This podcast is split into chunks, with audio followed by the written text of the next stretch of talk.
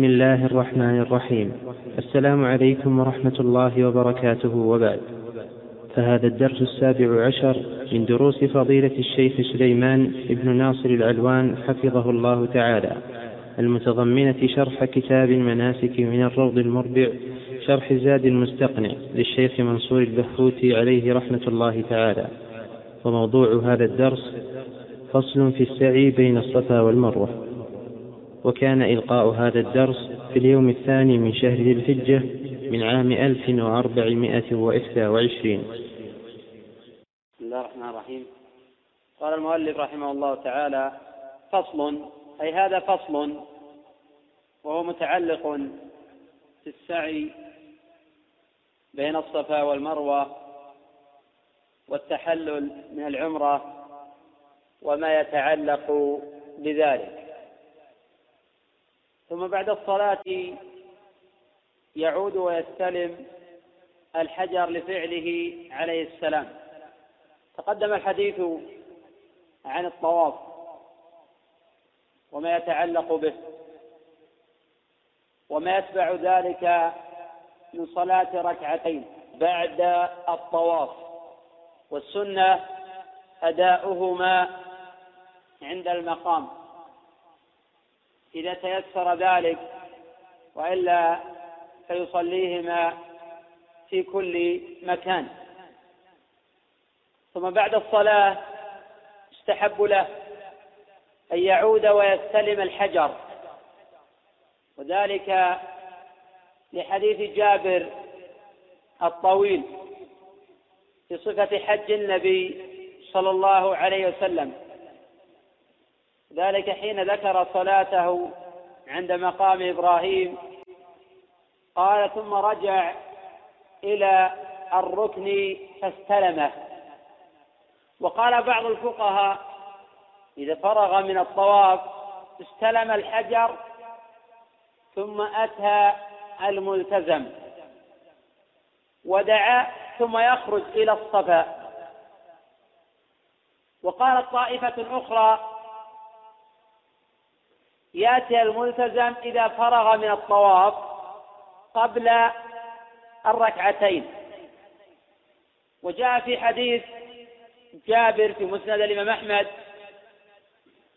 أنه صلى الله عليه وسلم طاف وصلى ركعتين ثم عاد إلى الحجر ثم ذهب إلى زمزم فشرب منها وصب على رأسه ثم رجع فاستلم الركن ثم ذهب إلى الصفا.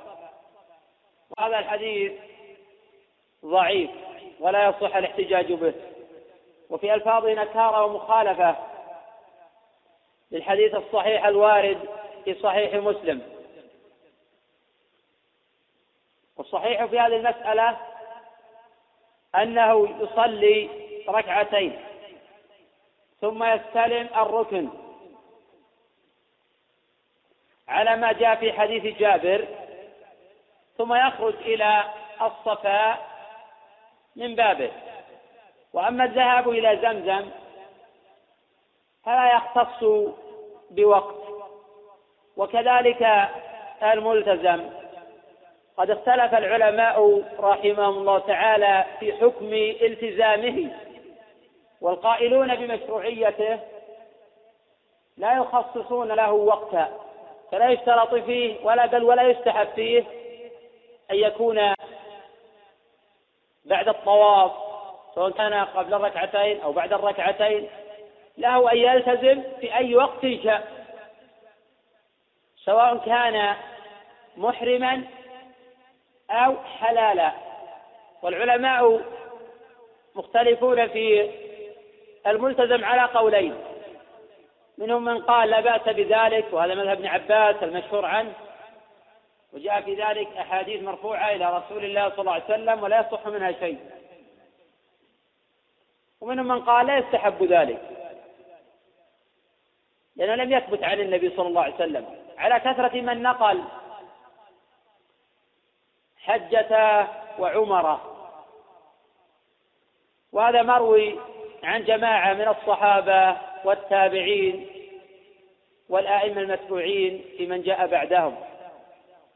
وعلى كل من رأى الالتزام على مذهب ابن عباس رضي الله عنه فليس لذلك وقت مخصوص. قال المؤلف رحمه الله تعالى ويسن الإكثار من الطواف كل وقت أي سواء كان وقت نهي أم لا. فقد قال صلى الله عليه وسلم يا بني عبد مناف لا تمنعوا أحدا طاف بهذا البيت وصلى أية ساعة شاء من ليل أو نهار. هذا الخبر رواه الإمام أحمد وأهل السنن من حديث جبير بن مطعم والصحاح الترمذي وابن خزيمة وابن حبان ورواته ثقات وإسناده صحيح. وظاهر جواز الطواف والصلاة في وقت النهي. وهو مذهب الشافعي وأحمد في رواية وإسحاق. واختار ذلك شيخ الإسلام ابن تيمية رحمه الله تعالى. والصحيح أيضا أن ذوات الأسباب من تحية المسجد وصلاة الكسوف وركعتي الوضوء وصلاة استخارة يفوت وقتها أنها تفعل في كل وقت ولا حرج في ذلك. وأما استحباب الطواف في غير أوقات النهي فهو مما أجمع عليه المسلمون. وقد روى النسائي وغيره من طريق حماد بن زيد عن عطاء بن السائب وحماد بن زيد ممن سمع من عطاء قبل الاختلاف. عن عبد الله بن عبيد بن عمير عن ابن عمر عن النبي صلى الله عليه وسلم قال من طاف سبعا فهو كعدل رقبة. قال المؤلف رحمه تعالى ويخرج إلى الصفا من بابه. أي بعد أن يصلي ركعتين ويستلم الحجر إذا تهيأ له ذلك قال يخرج إلى الصفا من بابه. أي باب الصفا ليسعى فيرقاه. أي يرقى الصفا حتى يرى البيت فيستقبله. وهذا العمل مستحب. مستحب أن يرقى إلى الصفا. ومستحب أن يستقبل البيت إذا رآه وإلا فيستقبل جهته. والنبي صلى الله عليه وسلم استقبل البيت. وقد قال تعالى لقد كان لكم في رسول الله أسوة حسنة. وفي صحيح مسلم حديث جابر قال ثم خرج صلى الله عليه وسلم من الباب إلى الصفا فلما دنا من الصفا قرأ إن الصفا والمروة من شعائر الله أبدأ بما بدأ الله به. فبدأ بالصفا فرقي عليه حتى رأى البيت فاستقبل القبلة فوحد الله وكبره وقال لا إله إلا الله وحده لا شريك له له الملك وله الحمد وهو على كل شيء قدير لا إله إلا الله وحده أنجز وعده ونصر عبده وهزم الأحزاب وحده. ثم دعا بين ذلك. قال مثل هذا ثلاث مرات ثم نزل إلى المروة. وقوله في حديث جابر فلما دنا من الصفا قرأ إن الصفا والمروة. يحتمل سنية قراءة هذه الآية مطلقة. ويحتمل أن النبي صلى الله عليه وسلم قرأ على وجه التعليم. ولهذا جهر بصوته. كالمعلم للصحابة بدليل أنه قال بعد ذلك أبدأ بما بدأ الله به. وهذا الأقرب. إذا لم يكن معه أحد يعلمه فلا تستحب أو فلا يستحب قراءة هذه الآية. وإذا كان معه من يجهل هذا الحكم فيقرأ هذه الآية بصوت جهوري ليسمع من معه. أو بقدر ما يسمع من معه ثم يقول أبدأ بما بدأ الله به.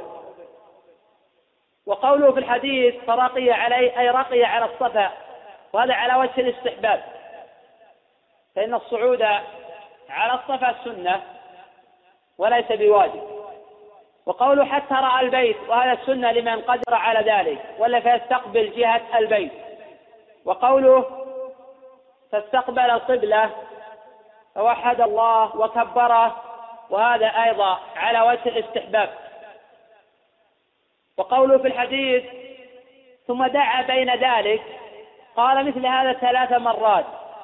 ظاهر هذه الرواية أنه وحد الله وكبره وقال ما تقدم ذكره لا إله إلا الله إلى آخره ثم لما فرغ دعا ثم أعاد التوحيد والتكبير ثم دعا ثم أعاد التوحيد والتكبير ثم نزل. فيكون الذكر ثلاثا والدعاء مرتين. وهذا استنتاج مأخوذ من قوله في الرواية ثم دعا بين ذلك. ففيه دلالة قوية على أنه لم يكبر آه، ثلاثا متتابعات ولم يكن يذكر الشيء متابعا ثم يدعو بعده. وأنه كبر واحدة ووحد الله وقال ما ورد.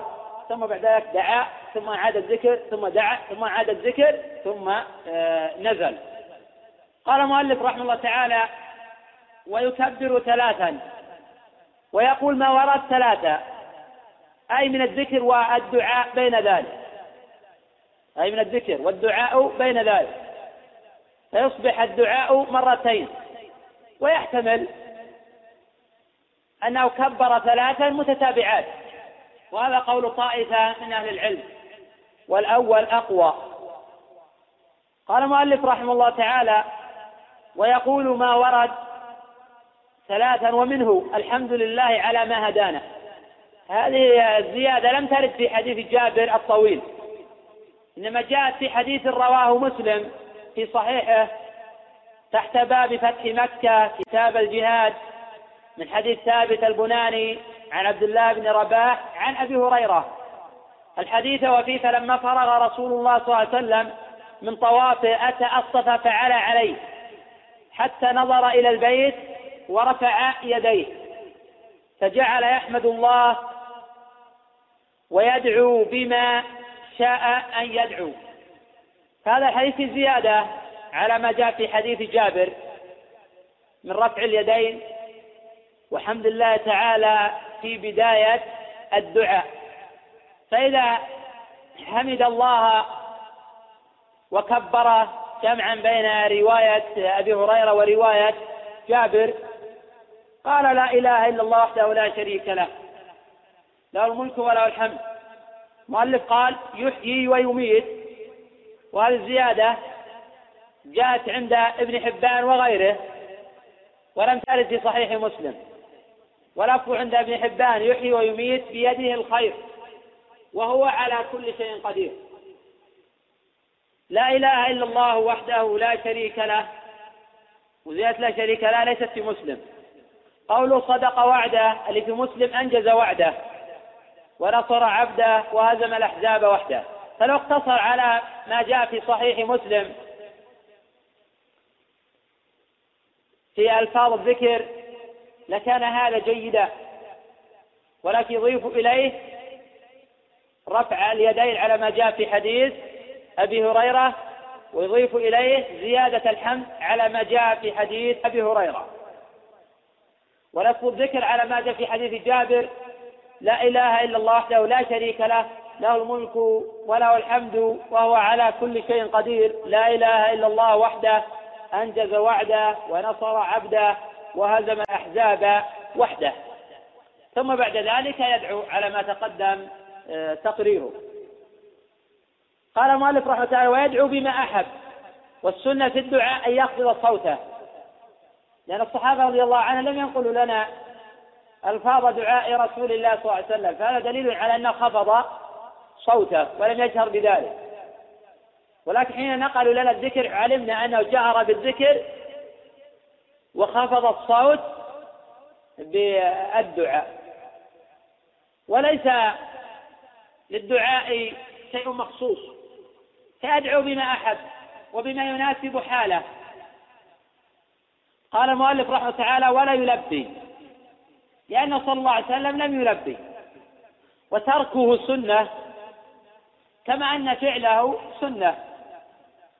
فيجب علينا الاقتداء بما تركه صلى الله عليه وسلم كما أننا نقتدي بما فعله صلى الله عليه وسلم.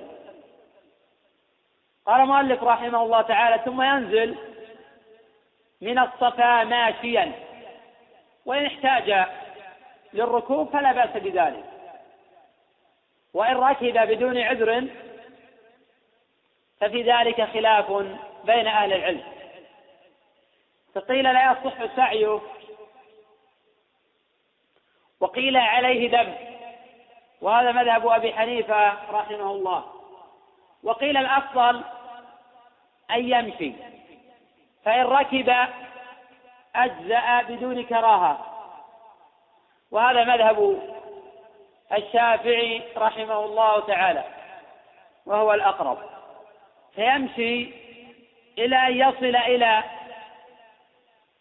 العلم وهو معروف في وقتنا العلم الأخضر فإذا وصل إليه يسعى سعيا شديدا إلى أن يصل إلى العلم الآخر.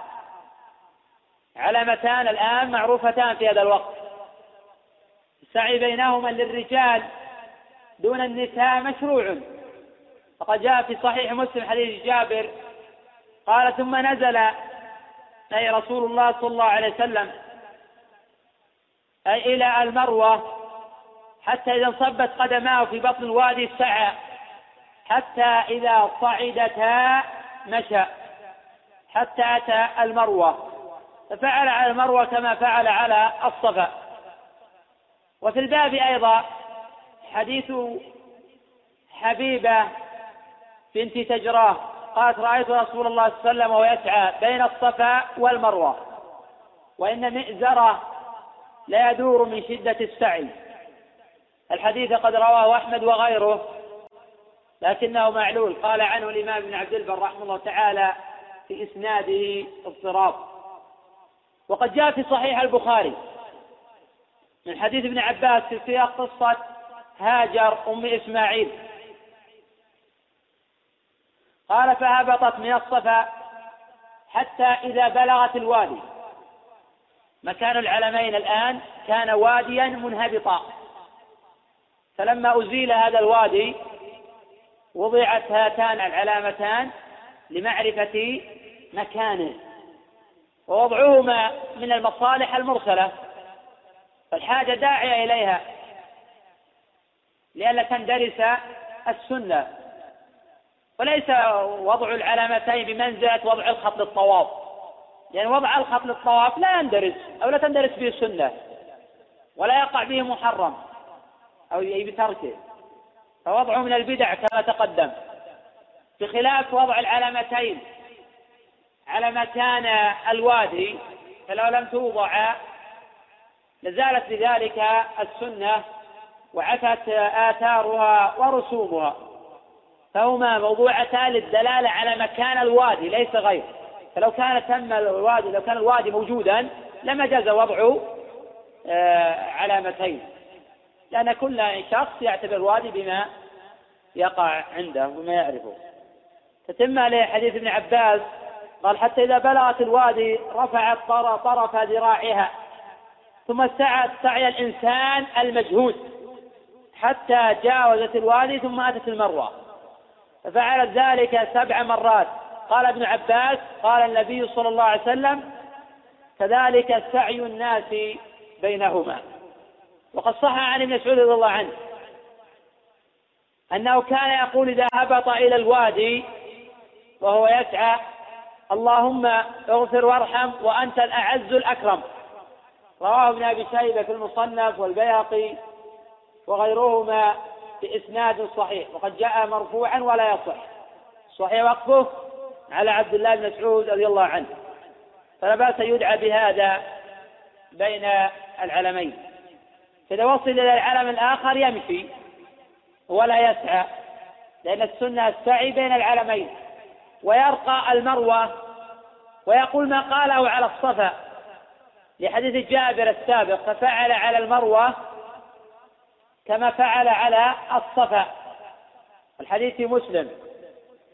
أي فيوحد الله ويكبره ويقول ما ورد ويدعو بين ذلك.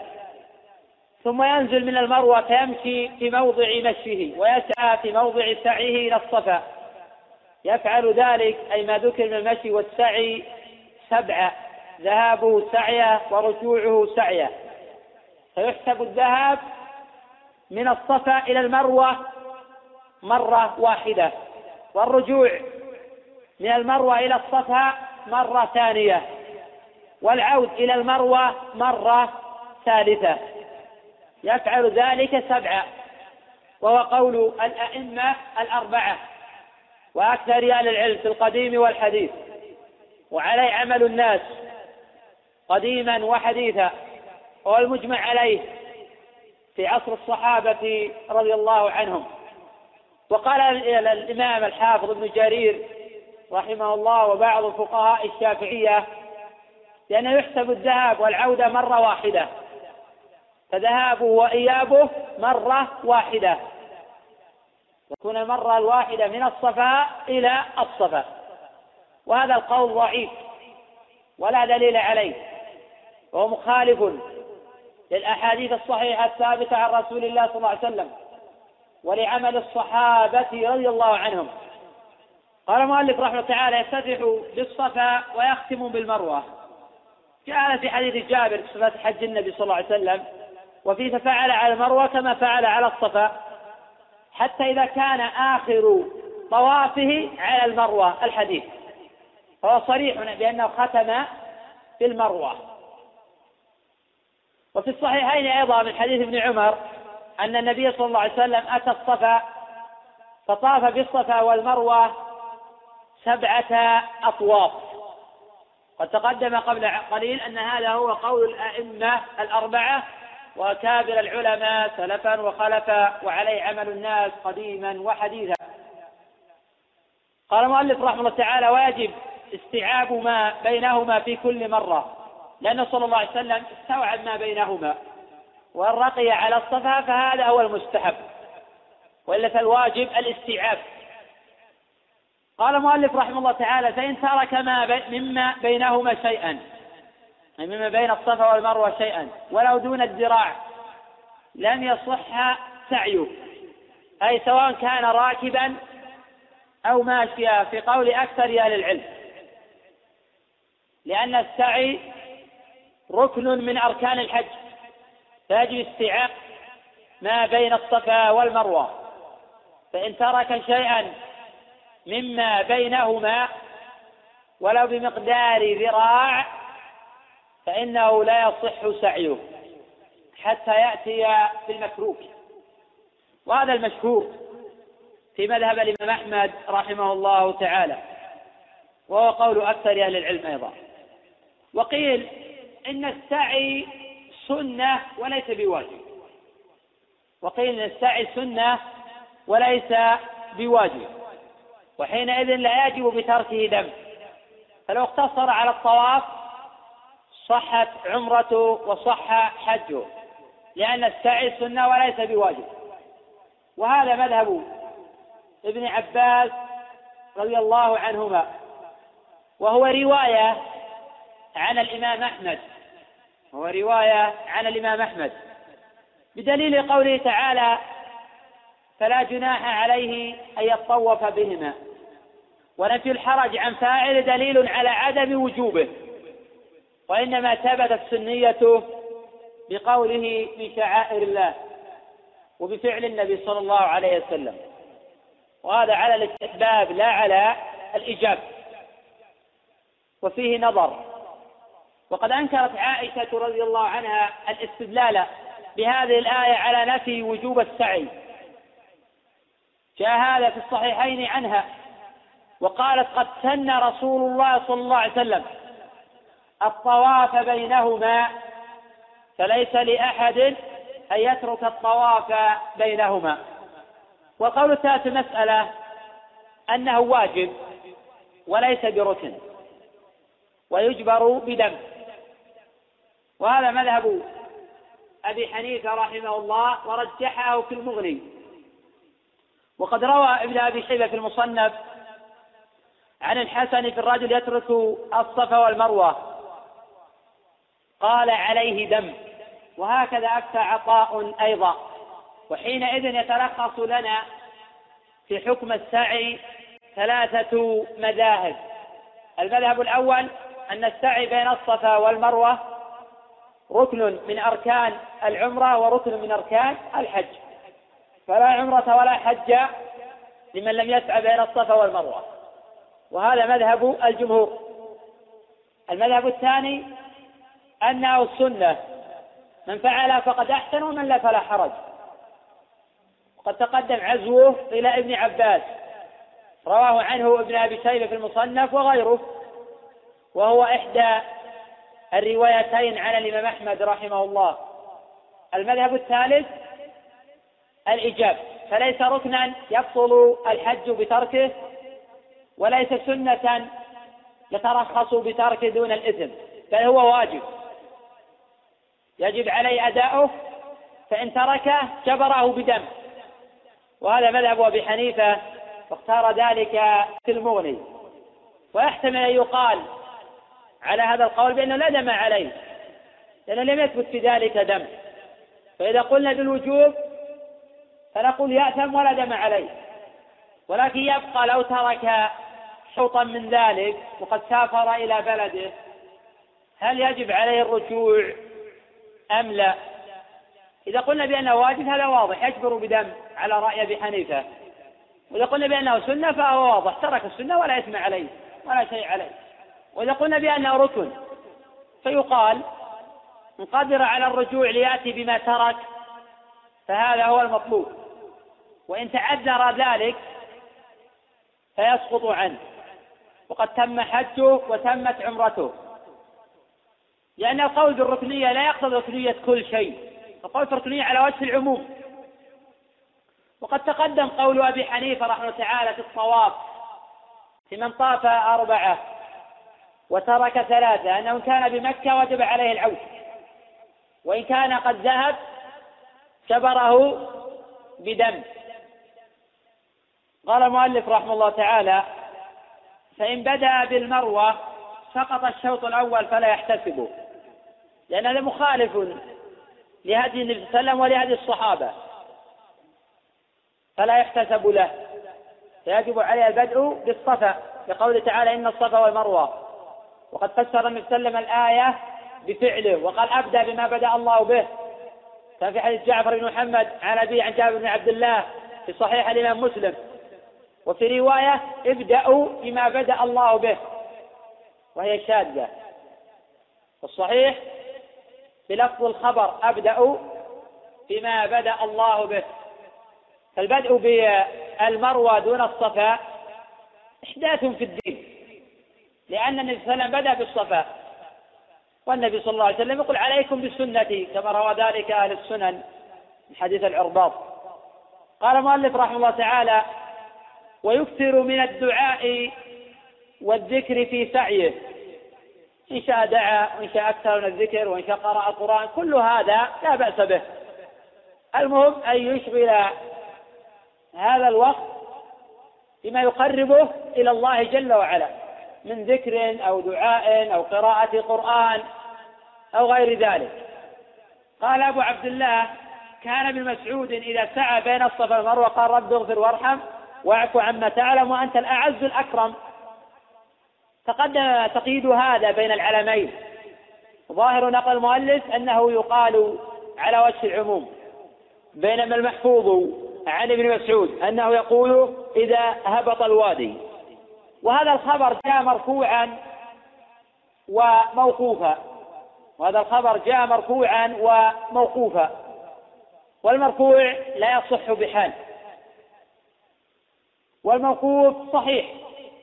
جاء من طرق عن أبي وائل عن مسروق أن ابن مسعود رضي الله عنه نزل من الصفا فمشى حتى أتى الوادي فسعى فجعل يقول ربي اغفر وارحم إنك أنت الأعز الأكرم. رواه ابن أبي شيبة والطبراني في الدعاء والبيهقي في السنن وإسناده صحيح. كما تقدم. قال المؤلف رحمه الله تعالى ويشترط له أي للسعي نية لأنه عبادة فاشترط له النية. وفي الصحيحين حديث يحيى عن محمد بن إبراهيم التيمي عن علقمة عن عمر أن النبي صلى الله عليه وسلم قال إنما الأعمال بالنيات فإذا لم ينوي السعي فلا سعي له. قال المؤلف رحمه تعالى وموالاة. أي وتشترط الموالاة. وهذا قول طائفة من أصحاب الإمام أحمد رحمهم الله. ولكن ذكر في المغني لأن ظاهر كلام أحمد أن الموالاة غير مشترطة فيه. فقد رخص الإمام أحمد رحمه الله تعالى في السلام على من لقي والوقوف له. ومذهب الشافعي رحمه الله أن الموالاة بين السعي سنة ولا يضر الفصل ولو كان طويلا. وهذا ظاهر مذهب أبي حنيفة رحمه الله وفي ذلك قوة. قال المؤلف وكونه بعد الطواف نسك ولو مسنونا. أي ولا يصح السعي إلا بعد الطواف ولو كان الطواف مسنونا كطواف القدوم. وهذا قول أكثر أهل العلم. وحكاه غير واحد من أهل العلم إجماعا. وحكاه غير واحد من أهل العلم إجماعا. وفي هذا الإجماع المنقول نظر. فقد جوز مجاهد وطاووس وعطاء وغيرهم تقديم السعي على الطواف. الحديث المروي عند أبي داود من طريق جرير عن الشيباني عن زياد بن علاقة عن أسامة ابن شريك. قال خرجت مع النبي صلى الله عليه وسلم حاجة. فكان الناس يأتونه فمن قال يا رسول الله سعيت قبل أن أطوف. أو قدمت شيئا أو أخرت شيئا. فكان يقول لا حرج لا حرج. إلا على رجل افترض عرض رجل مسلم وهو ظالم فذلك الذي حرج وهلك. وهذا الحديث رواته ثقات. وزياد بن علاقة وثقه ابن معين والنسائي وقد سمع من أسامة وقد قال بما دل عليه ظاهر الخبر الإمام ابن حزم رحمه الله تعالى. وقد تقدم أنه قال بذلك أيضا مجاهد وطاووس وعطاء. وقد جاء في الصحيحين أيضا حديث عبد الله بن عامر بن العاص أن النبي صلى الله عليه وسلم ما سئل عن شيء قدم ولا أخر إلا قال افعل ولا حرج. ولكن أجاب الجمهور عن هذين الدليلين. أما حديث عبد الله بن عمرو بن العاص فقالوا عنه بأنه سئل عن تقديم الرمي على الحلق والحلق على الذبح ونحو ذلك. هذا هو الذي قال افعل ولا حرج.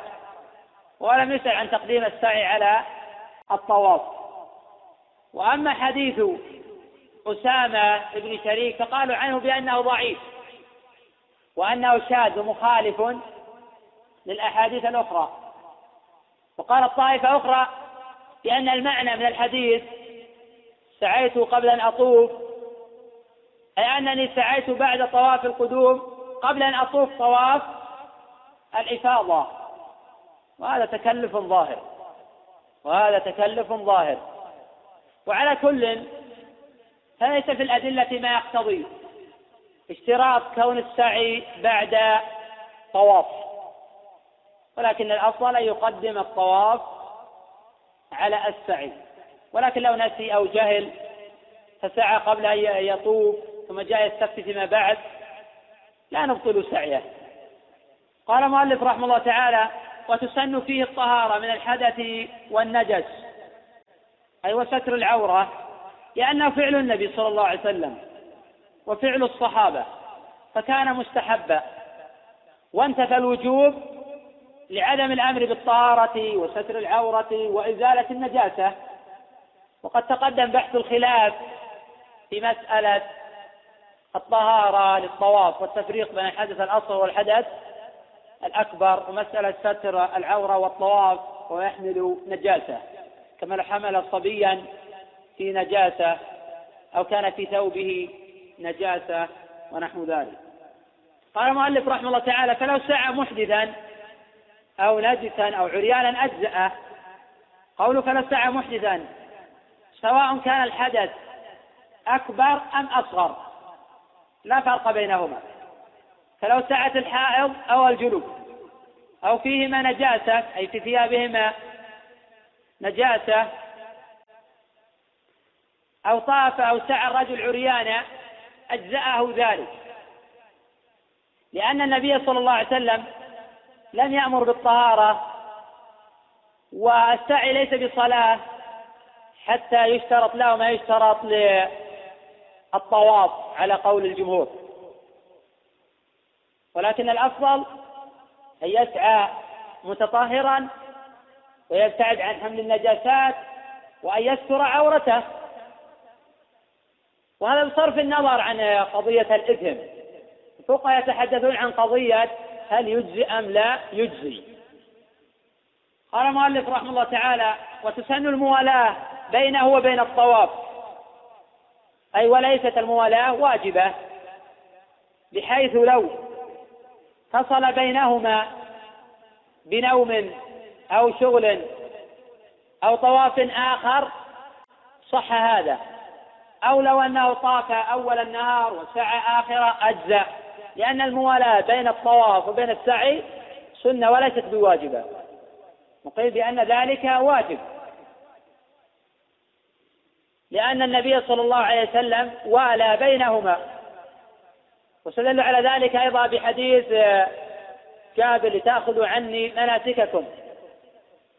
والصحيح أن الموالاة بينهما ليست بواجبة. وحديث تأخذوا عني مناسككم هو نظير قوله صلى الله عليه وسلم صلوا كما رأيتموني يصلي ليس المقصود إجابة أفعال الحج وكل أفعال الحج وإجابة أفعال الصلاة إنما نأخذ الإجابة من أدلة أخرى. فالمقصود لتأخذوا مناسككم أي لا تبتدعوا في المناسك كما ابتدع المشركون. وصلوا كما رأيتموني يصلي لا تحدث الصلاة ما ليس منها كأن تصلوا المغرب أربعا أو الفجر ثلاثة وليس المراد إجاب كل شيء في الصلاة وفي آه، الحج لأن لا قائل بذلك. فلا يمكن إجاب رفع اليدين في الصلاة وإجاب كل أفعال الصلاة من الافتراش في التشهد الأول والتورط في التشهد الثاني. ولا يمكن أيضا إيجاب استلام الحجر الأسود في الطواف أو الإشارة إليه أو الوقوف على الدابة في عرفات أو إيجاب جعل منى عن اليمين ومكة عن اليسار في رمي جمرة العقبة. وهذه مناسك فعلها النبي صلى الله عليه وسلم فليس إيجابها. فعلم أن المقصود من قوله صلى الله عليه وسلم لتأخذوا مناسككم في رواية أحمد آه، خذوا عني مناسككم أن المقصود أي لا تبتدعوا في ذلك. ولا تحدثوا فيها المناسك ما ليس منه. ففي التشريع في الجملة أن هذا هو الذي فعله النبي صلى الله عليه وسلم.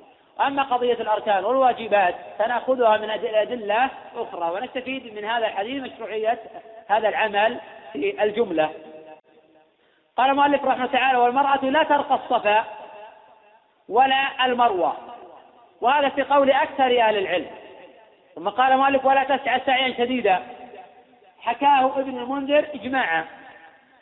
وصح هذا عن ابن عمر وتقدم الحديث عنه في مواضع.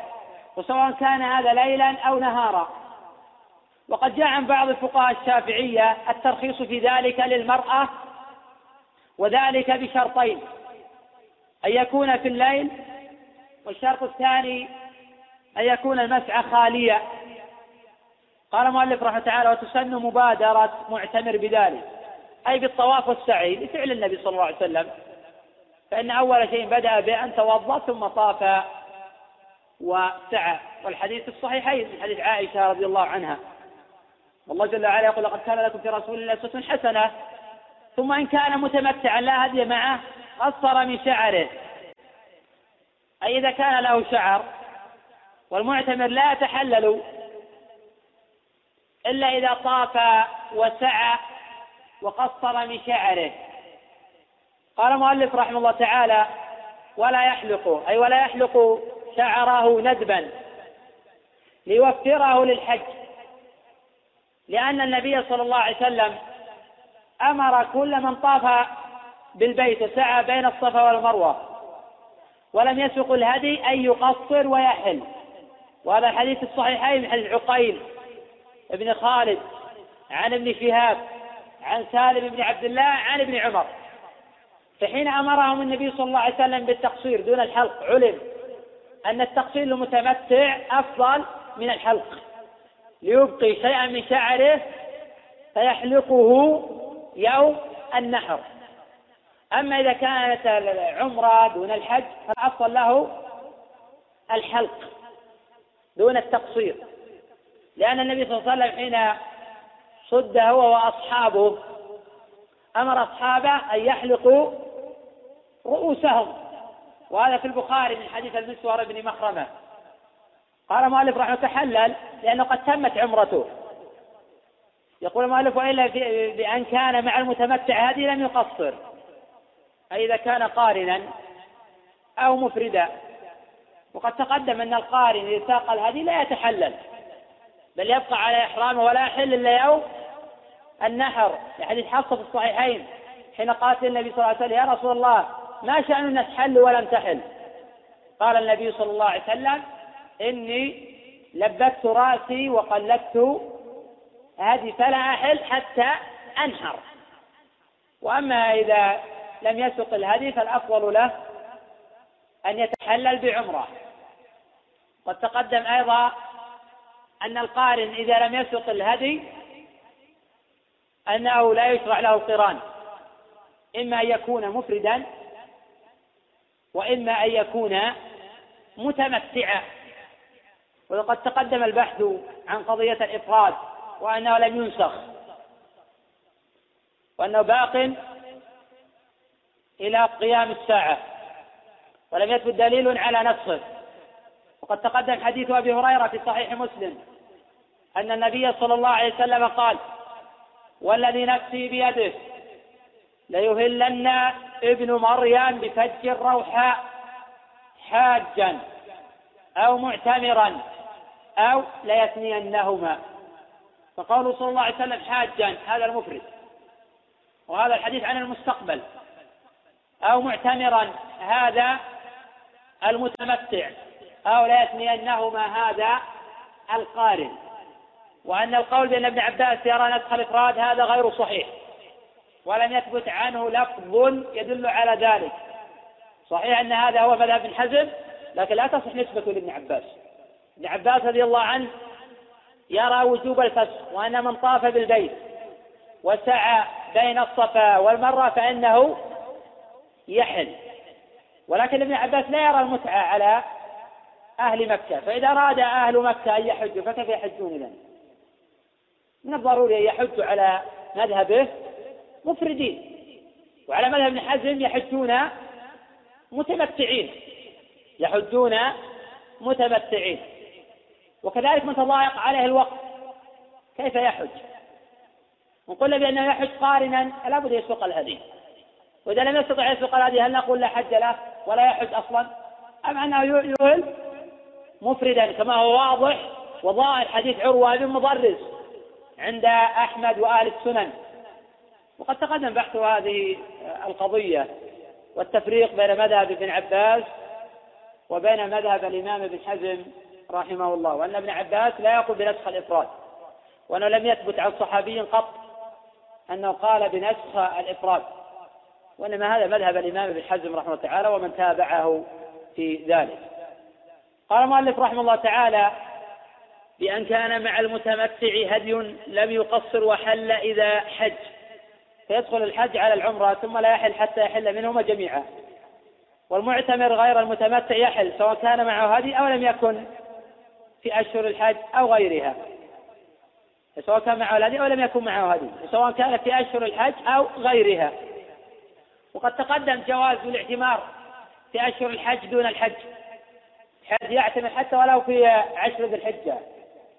ويحل وله أن يرجع دون أن يحج. وأنه لا يلزم البقاء حتى يهل بالحج.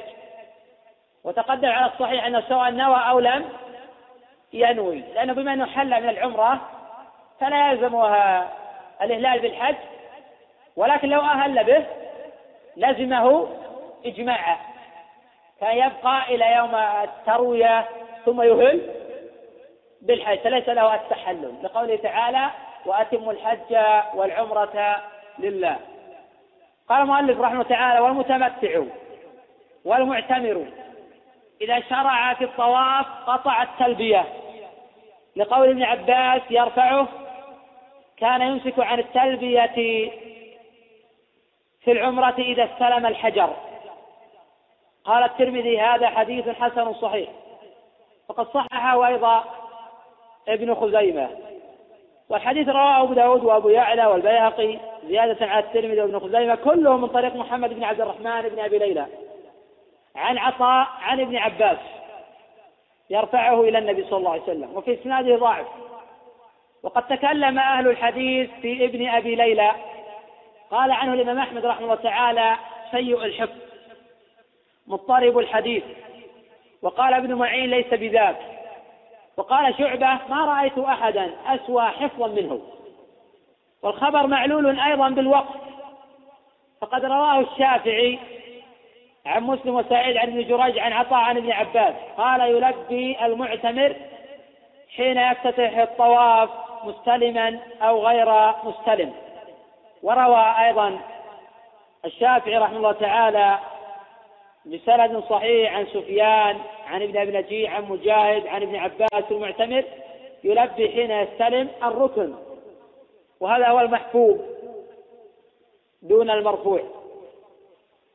المرفوع لا يصح والصحيح وقفه على ابن عباس.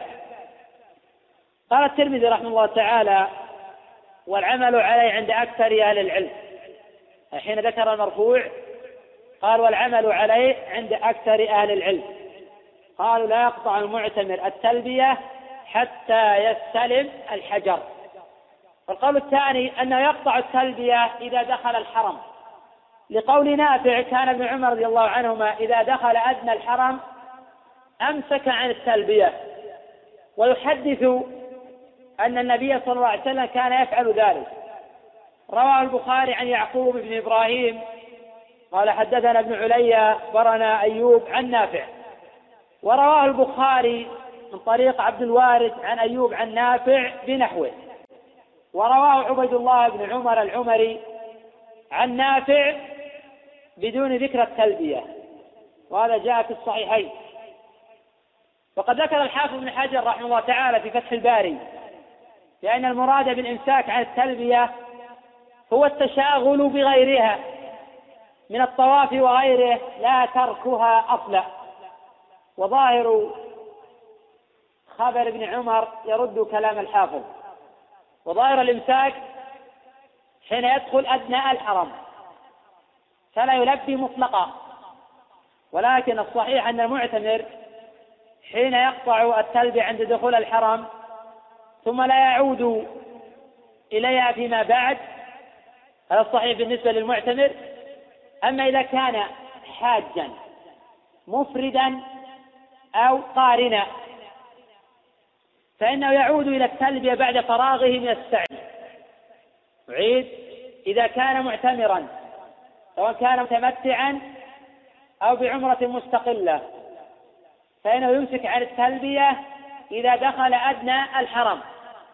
وأما إذا كان مفردا أو قارنا فإنه يمسك عن التلبية إذا دخل أدنى الحرم ويعود إليها بعد السعي.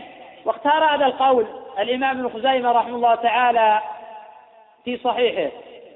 وروى رحمه الله من طريق الأوزاعي قال قال عطاء كان ابن عمر يدع التلبية إذا دخل الحرم ويراجعها بعدما يقضي طوافه بين الصفا والمروة. قال المؤلف رحمه تعالى ولا بأس بها في طواف القدوم سرا. لأنه لا بأس بالتلبية في طواف القدوم سرا. وهذا قد تقدم إنه لم يثبت عن النبي صلى الله عليه وسلم وأن المشروع قطع التلبية حين يدخل أدنى الحرم. ولكن لو لبى في طوافه باعتبار أنه ذكر من الأذكار لم يكن في ذلك بأس. أما اعتقاد مشروعية التلبية حال الطواف هذا غير صحيح. والله أعلم. نقف على قول المؤلف رحمه الله تعالى باب صفة الحج والعمرة. الصحيح أنه لا يشرع التطوع بالسعي لأنه لم يثبت ذلك عن النبي صلى الله عليه وسلم ولا عن أحد من الصحابة أنهم كانوا يتطوعون في السعي. ثابت والمجمع عليه مشروعية التطوع بالطواف. أما التطوع بالسعي فلا دليل عليه بل الأظهر بأنه بدعة لما جاء في الصحيحين وغيرهما عن القاسم بن محمد عن عائشة أن النبي صلى الله عليه وسلم قال من أحدث في أمرنا هذا ما ليس منه فهو رد. وهذه عبادة الأصل في العبادات المنع والبطلان حتى يثبت دليل. ولم يثبت عن النبي صلى الله عليه وسلم دليل. ولا عن أحد من الصحابة لأنهم كانوا يتطوعون في السعي. وما بالنسبة لما تقدم قول ابن جرير وبعض فقهاء الشافعية بأنه يبدأ بالصفا ويختم بالصفا. هذه هي المرة الأولى فهذا تقدم أنه ضعيف وأنه لا دليل عليه. الصحيح أنه إذا بدأ بالصفا وختم بالمروة هذه مرة إذا رجع من المروة إلى الصفا هذه مرة ثانية. والصريح حديث جابر المتقدم في صحيح الإمام مسلم وهو ظاهر الأحاديث المتفق على صحتها وهذا هو قول الأئمة الأربعة وهو إجماع من الصحابة وعليه عمل الناس قديما وحديثا. بالنسبة للقدر الواجب في المسح الذي استيعاب السعي هذا هو الواجب.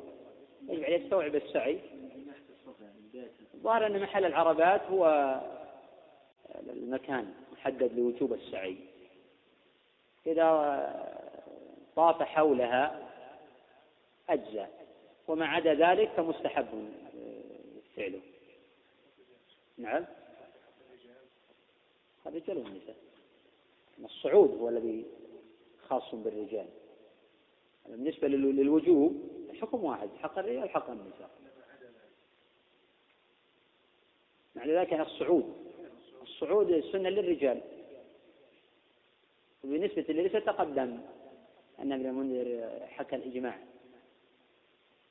على هذه المسألة وتقدم التفصيل عند بعض فقهاء الشافعية وأن المرأة لا بأس أن تصعد الصفا وتصعد المروة ولا بأس أن تسعى أيضا بين العلمين إذا كان هذا في الليل وإذا لم يرها الرجال أو كان مسعى خاليا. نعم.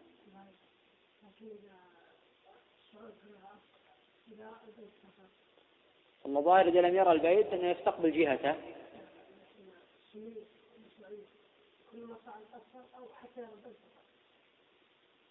وإذا تهيأت الأسباب بأن يرى البيت هذا هو السنة. حتى يصعد كلما رأى حتى يرى البيت وإذا لم يرى البيت فإنه آه، يستقبل جهته ويقول ما ورد. نعم.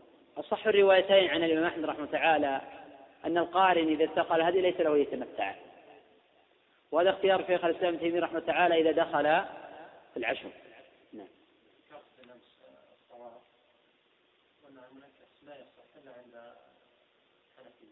ويجبر بدم. نعم. لكن الطواف مستقبل كيف يعني قد أجعل البيت أمامي. أطوف نعم. أطوف مستقبلا البيت بوجهي فتقدم أن السنة في الطواف يجعل البيت عن يساره. هذا هو عمل النبي صلى الله وعمل الصحابة. وجعله شرطا أكثر أهل العلم. بينما أبو حنيفة قال إن طاف منكسا أجزأ وجبره بدم.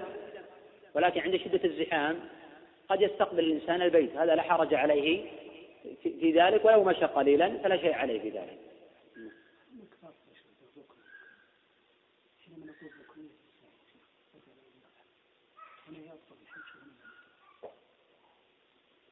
لا فرق إذا قلنا بركنية هذا بطل هذا.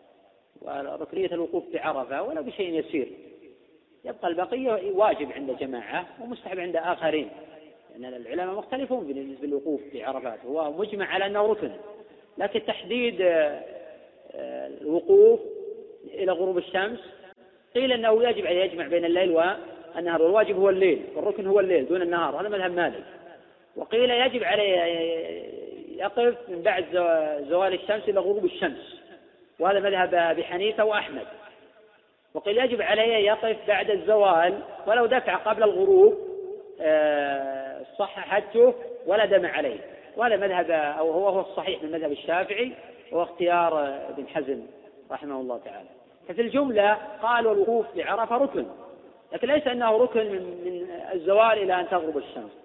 كذلك السعي ركن في الجملة يبقى تحديد الركن إذا فعل أكثر هل سقط الركن أم لا؟ هنا أيضا وقع خلافات في هذه القضية. كما تقدم أيضا أن الطواف في البيت ركن عند الجمهور.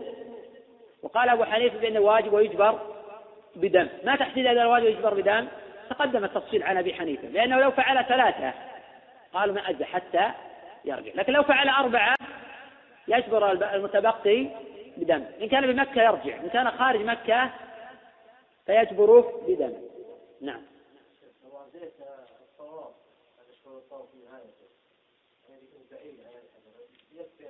أي نعم يكفي المحاذاة. اي دون الالتفات إلى الخط. اذا غلب على الإنسان قد حاذى الحجر آه، كبر وابتدى الطواف.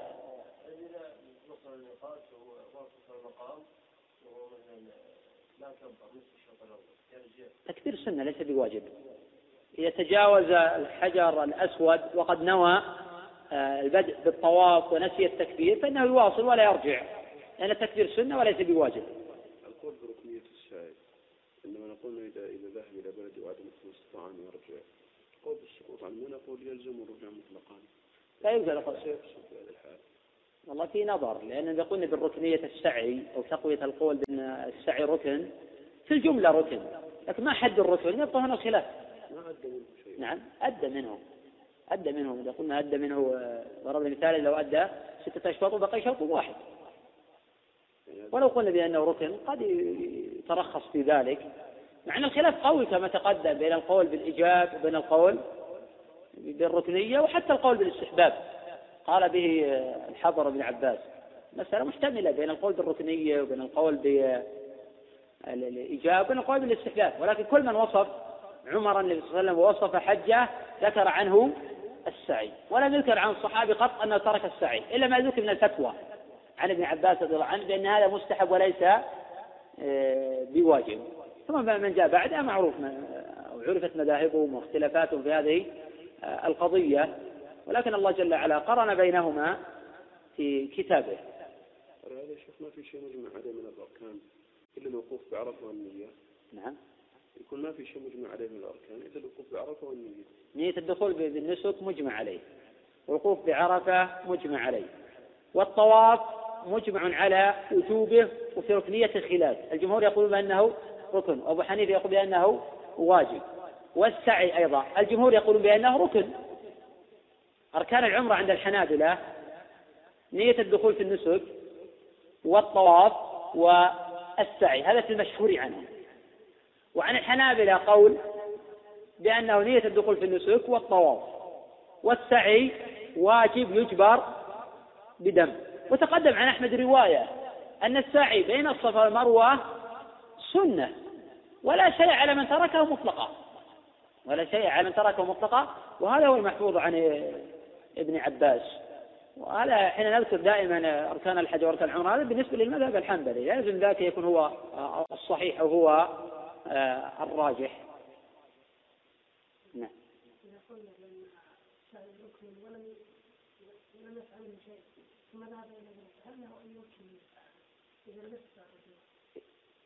إذا قلنا بأن السعي بين الصفا والمروة ركن ثم إذا ذهب إلى بلد يجب عليه الرجوع. وإذا لم يستطع أن يرجع إذا لم يستطع أن يرجع فقد نترخص نأخذ بالقول الثاني لأنه آه، لا شيء عليه وقد نقول بأن إن كانت عمرة بطلت عمرته. بطلت آه، أو فسدت عمرته. وإذا كان حجا قد نقول بالتوكيل لأنه يوكل من يسعى عنه. وإن كنت لا أعلم دليلا على التوكيل لكن إذا جاز التوكيل في الجملة في أحكام الحج فقد يجوز في بعض فروع الحج ولا سيما أن بعض فقهاء الحنابلة أجاز التوكيل في الطواف ولا سيما أن بعض فقهاء الحنابلة أجاز التوكيل في الطواف وهذا موجود في الإنصاف لأن بعضا منهم أجاز التوكيل في الطواف. مسألة محتملة تحتاج إلى بحث أكثر. ولا ألا يفعله إذا قدم الأخ يقول مفرد مفردا وبدأ بالسعي دون الطواف. ثم بعد ذلك ذهب إلى منى. أولى ألا يفعل هذا. ويفعل ما فعل النبي صلى الله عليه وسلم وفعل الصحابة. حين قدموا أول شيء بدأوا به هو الطواف وهذا الأفضل. ثم بعد ذلك يسعى سعي الحج ويسقط عنه سعي الحج ويبقى عليه طواف الإفاضة. هذا هو الأكمل والأفضل. نعم. اي نعم. الأثر عن ابن عباس في عدم وجوب السعي بين الصفا والمروة قوي عنه. شيبة رحمة تعالى في المصنف. فرقيح بن سعيد عن ابن جريج عن عطاء عن ابن عباس أنه قال إن شاء سعى بين الصفا والمروة وإن شاء لم يسعى. نعم بعض العلماء حملوا على النسيان. حتى ابن أبي شيبة رحمة تعالى أشار إلى هذه القضية وبوب على هذا الباب آه، في من إذا نسي السعي بين الصفا والمروة. وجاء عن عطاء أنه كان لا يرى من لم يسعى بين الصفا والمروه شيئا. وهذا منقول عن طائفة من العلم وتقدم هو إحدى روايتين عن أحمد. لا الصحيح القول بالوجوب قوي جدا إما الركنية أو الوجوب. قد بوب البخاري رحمة تعالى على وجوب السعي بين الصفا والمروه صحيح قال باب وجوب الصفا والمروة. وجعل من شعائر الله. ثم ساق حديث عائشة السابق. حين أتى عروة فقال أرأيت قول الله تعالى إن الصفا والمروة من شعائر الله؟ فمن حج البيت أو اعتمر فلا جناح عليه أن يطوف بهما. فوالله ما على أحد جناح ألا يطوف بالصفا والمروة. قالت بئس ما قلت يا ابن أختي. إن هذه لو كانت كما أولتها عليه كانت لا جناح عليه ألا يتطوف بهما. ولكنها أنزلت في الأوصار كانوا قبل أن يسلموا يهلون بمناة الطاغية التي كانوا يعبدونها عند المشلل. فكان من أهل يتحرج يطوف بالصفا والمروة. فلما أسلموا سألوا رسول الله صلى الله عليه وسلم عن ذلك. قالوا يا رسول الله إن كنا نتحرج أن نطوف بين الصفا والمروة فأنزل الله تعالى أن الصفا والمروة من شعائر الله قالت عائشة رضي الله عنها وقد سن رسول الله صلى الله عليه وسلم الطواف بينهما فليس لأحد أن يترك الطواف بينهما. حديث هو في الصحيحين ما يدل على ضرورة الإتيان بالسعي إلى الصفا والمروة أيضا أن النبي صلى الله عليه وسلم في حديث أبي موسى الأشعري في الصحيحين حين قال قدمت على النبي صلى الله عليه وسلم بالبطحاء فقال حجج؟ قلت نعم. قال بما أهلل قلت لبيك بإهلال كإهلال النبي صلى الله عليه وسلم. قال أحسنت طف بالبيت وبالصفاء والمروة ثم حل. فقوله طف بالبيت وبالصفاء والمروة هذا أمر دل على وجوب آه، الطواف بالبيت وبين الصفاء والمروة.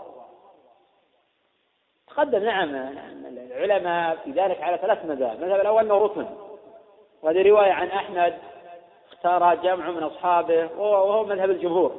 المذهب الثاني أنه واجب يجبر بدم وهذا مذهب أبي حنيفة ورجحه صاحب آه، المغني.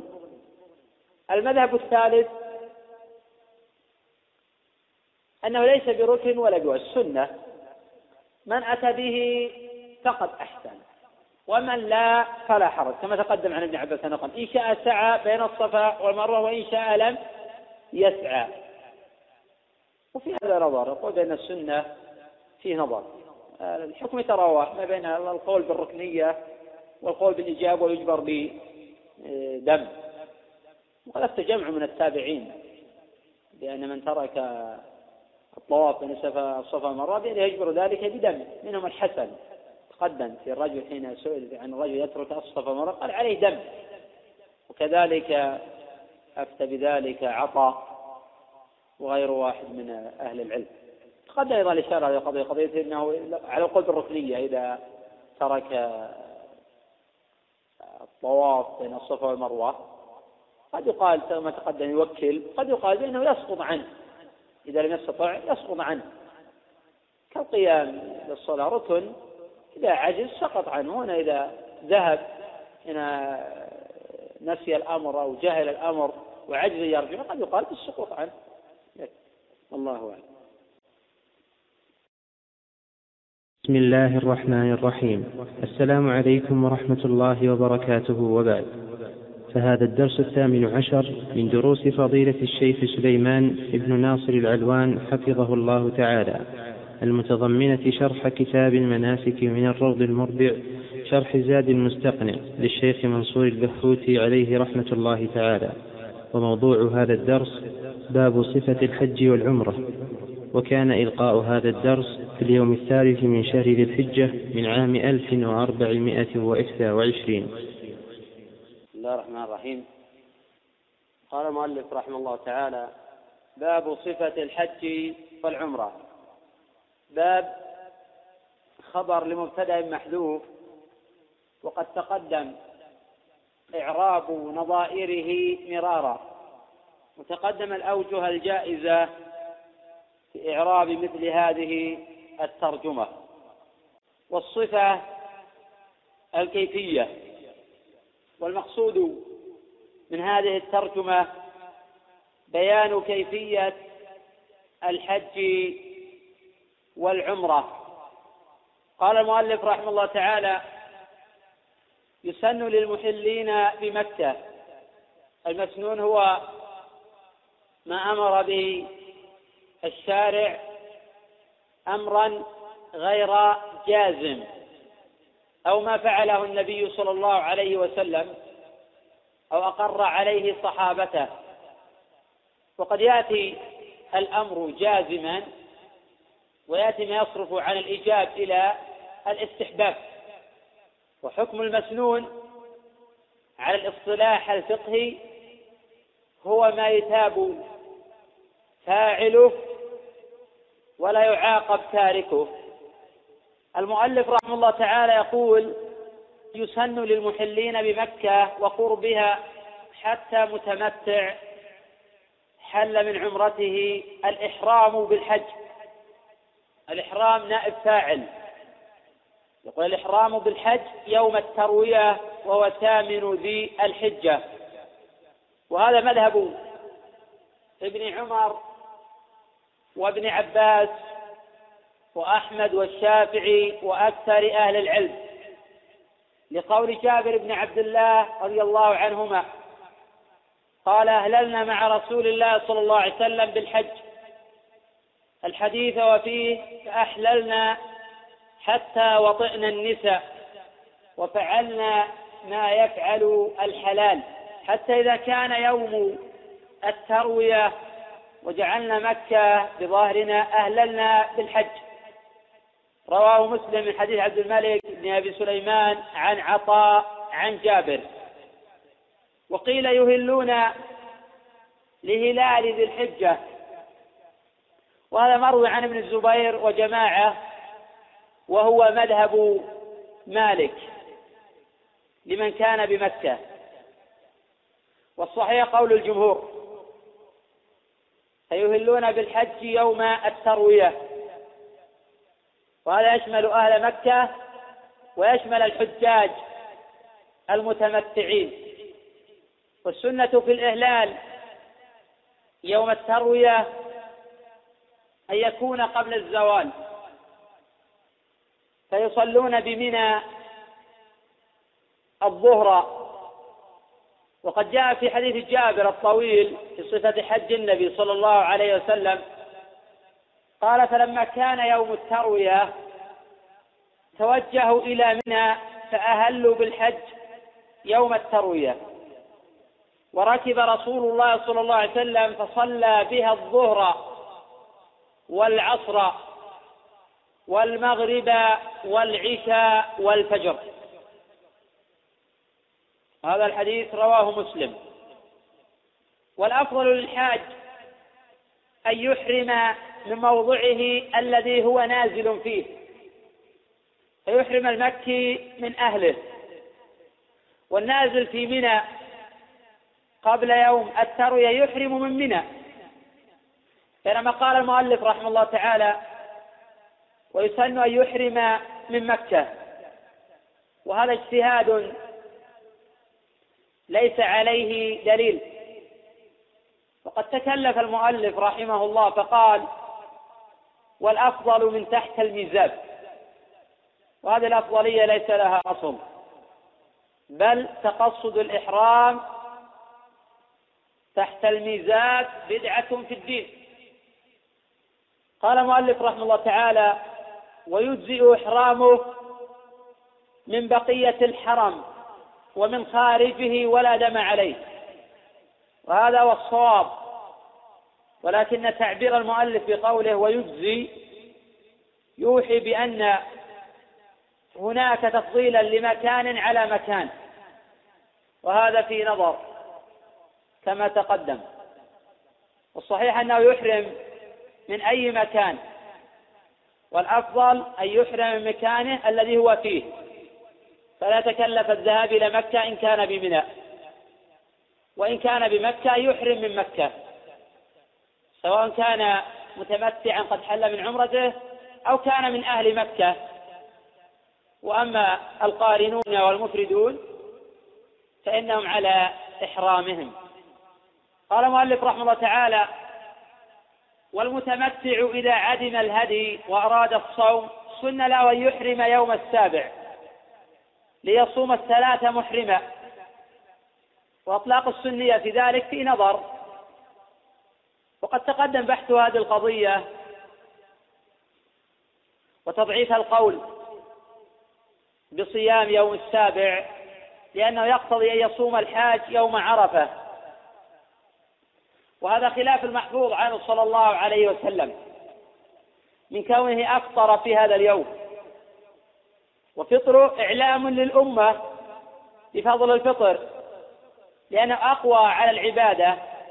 وقال بعض العلماء لا بأس بالصيام لمن لا يشق عليه. وهذا مروي عن جماعة من الصحابة ومن جاء بعدهم. أي لا بأس بالصيام يوم عرفة للحاج من لمن لا يشق عليه. وهذا مروي عن جماعة من الصحابة ومن جاء بعدهم.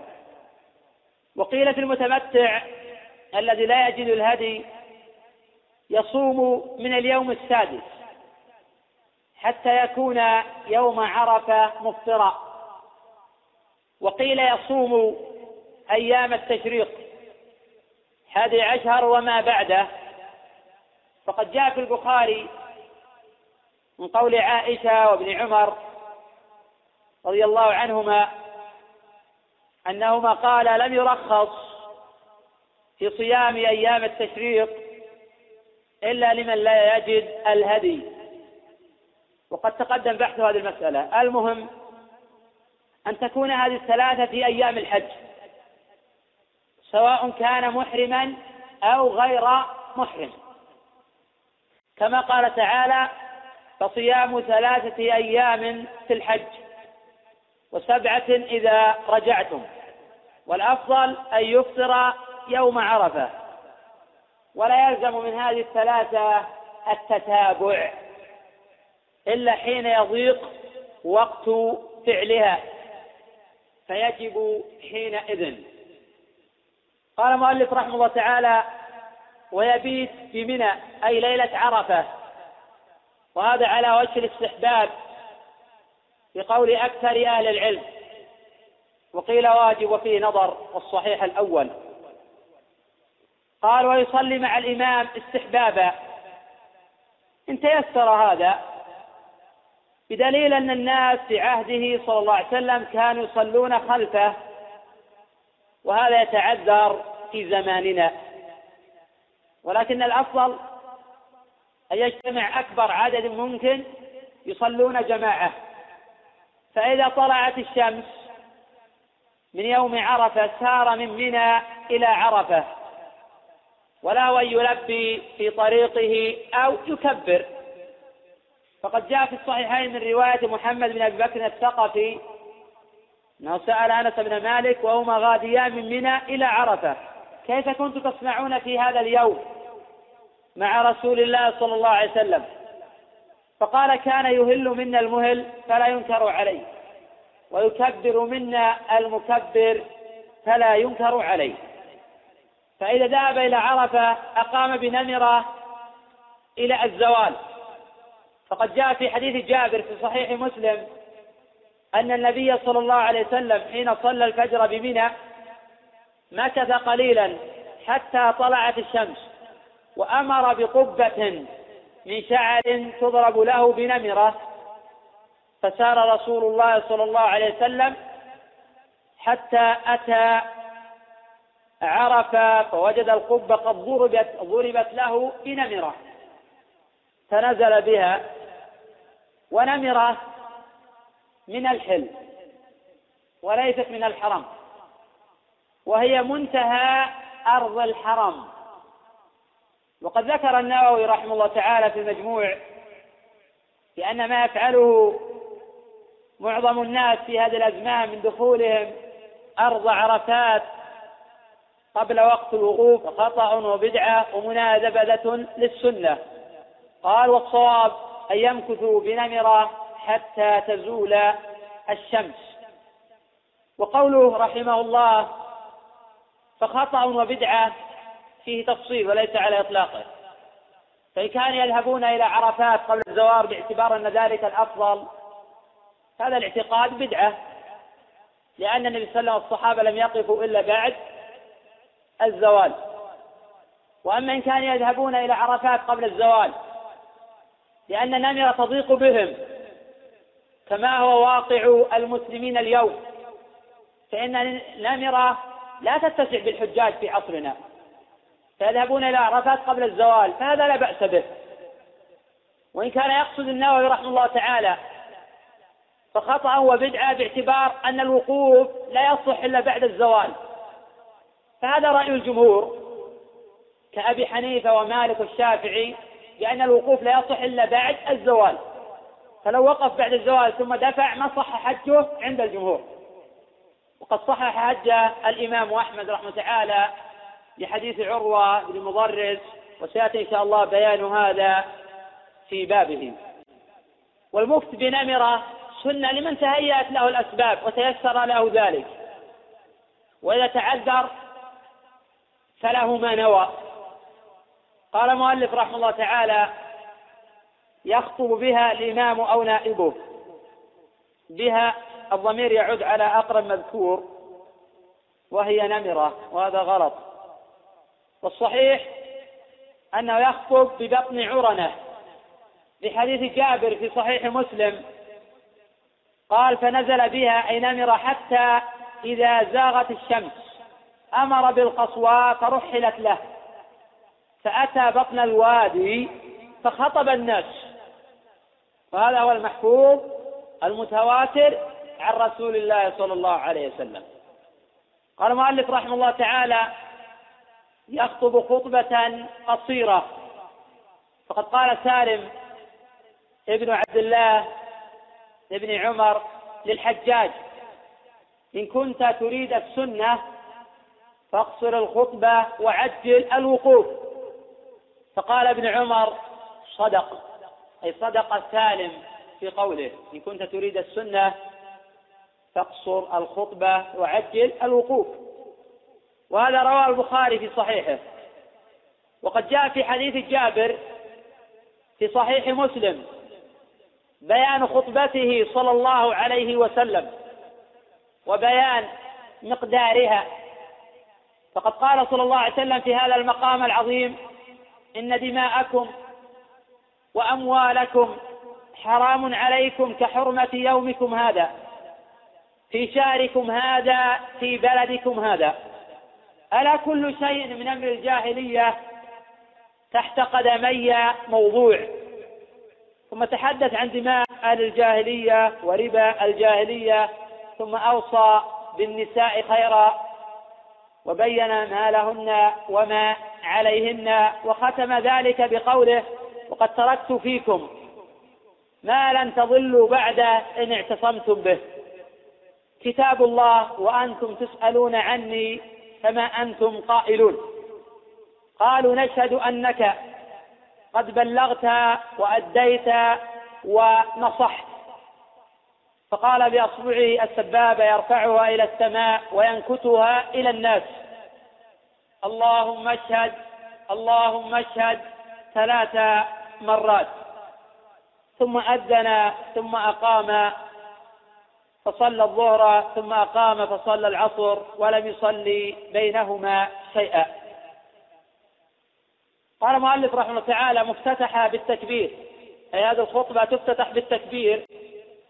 وهذا أحد القولين في المسألة عن العلماء. والصحيح أن الخطبة تفتتح بالحمد كسائر الخطب. قال المؤلف رحمه الله تعالى يعلمهم فيها الوقوف ووقته والدفع منه والمبيت بمزدلفة.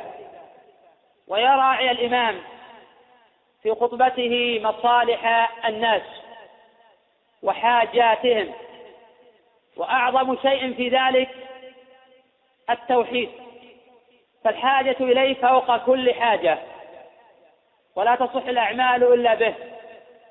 ويحذر عن الشرك الذي يحبط الأعمال ويجعل صاحبه من الخالدين في النار.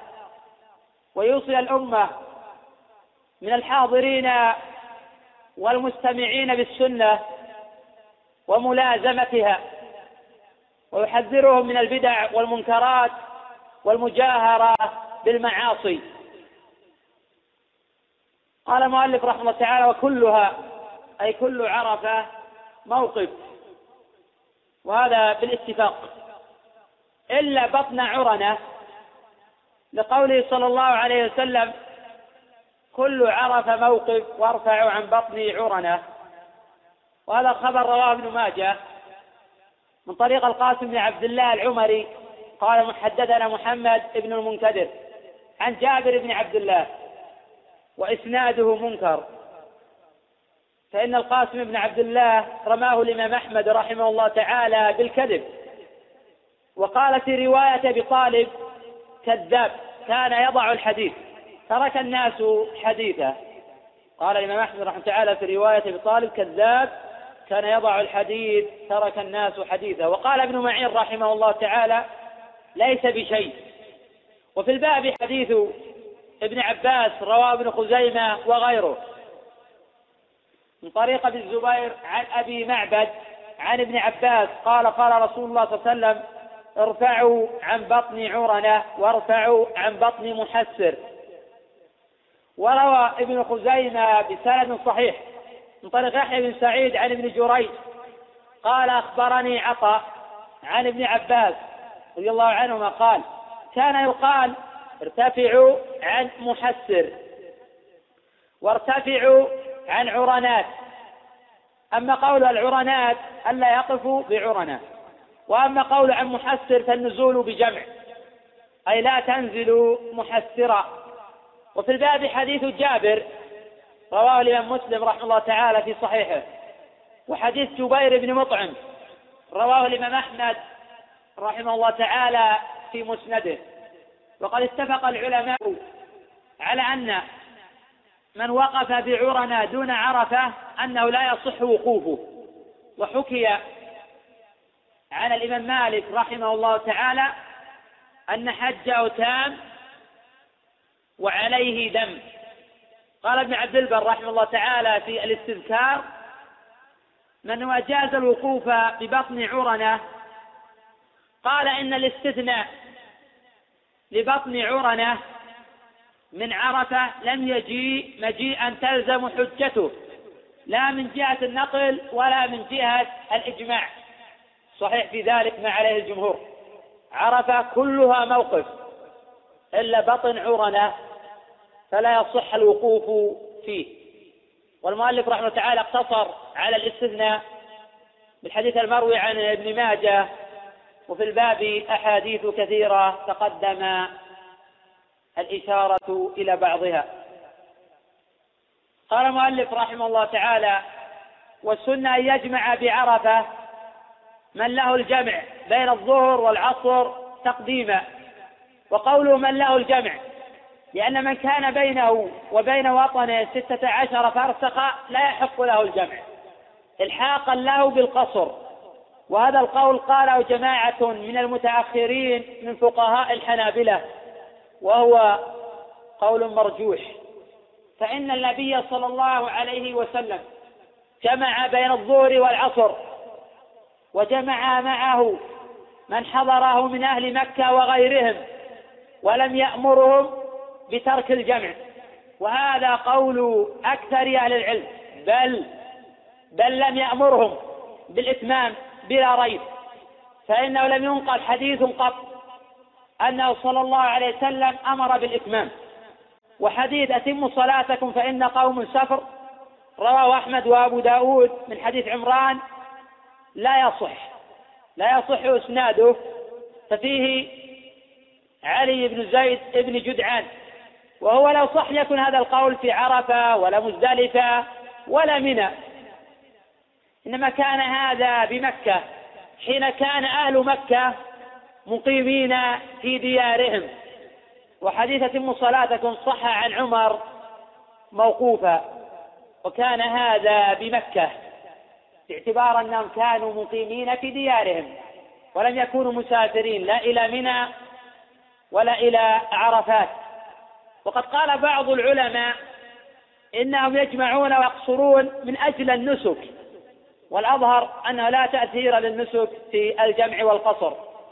فالمعتبر السفر ولا يتحدد بمسافة ولا بأيام معلومة. السفر يرجع فيه إلى العرف والجامع يراعى فيه المصلحة والحاجة. فقد يكون مسافرا ولا يجمع.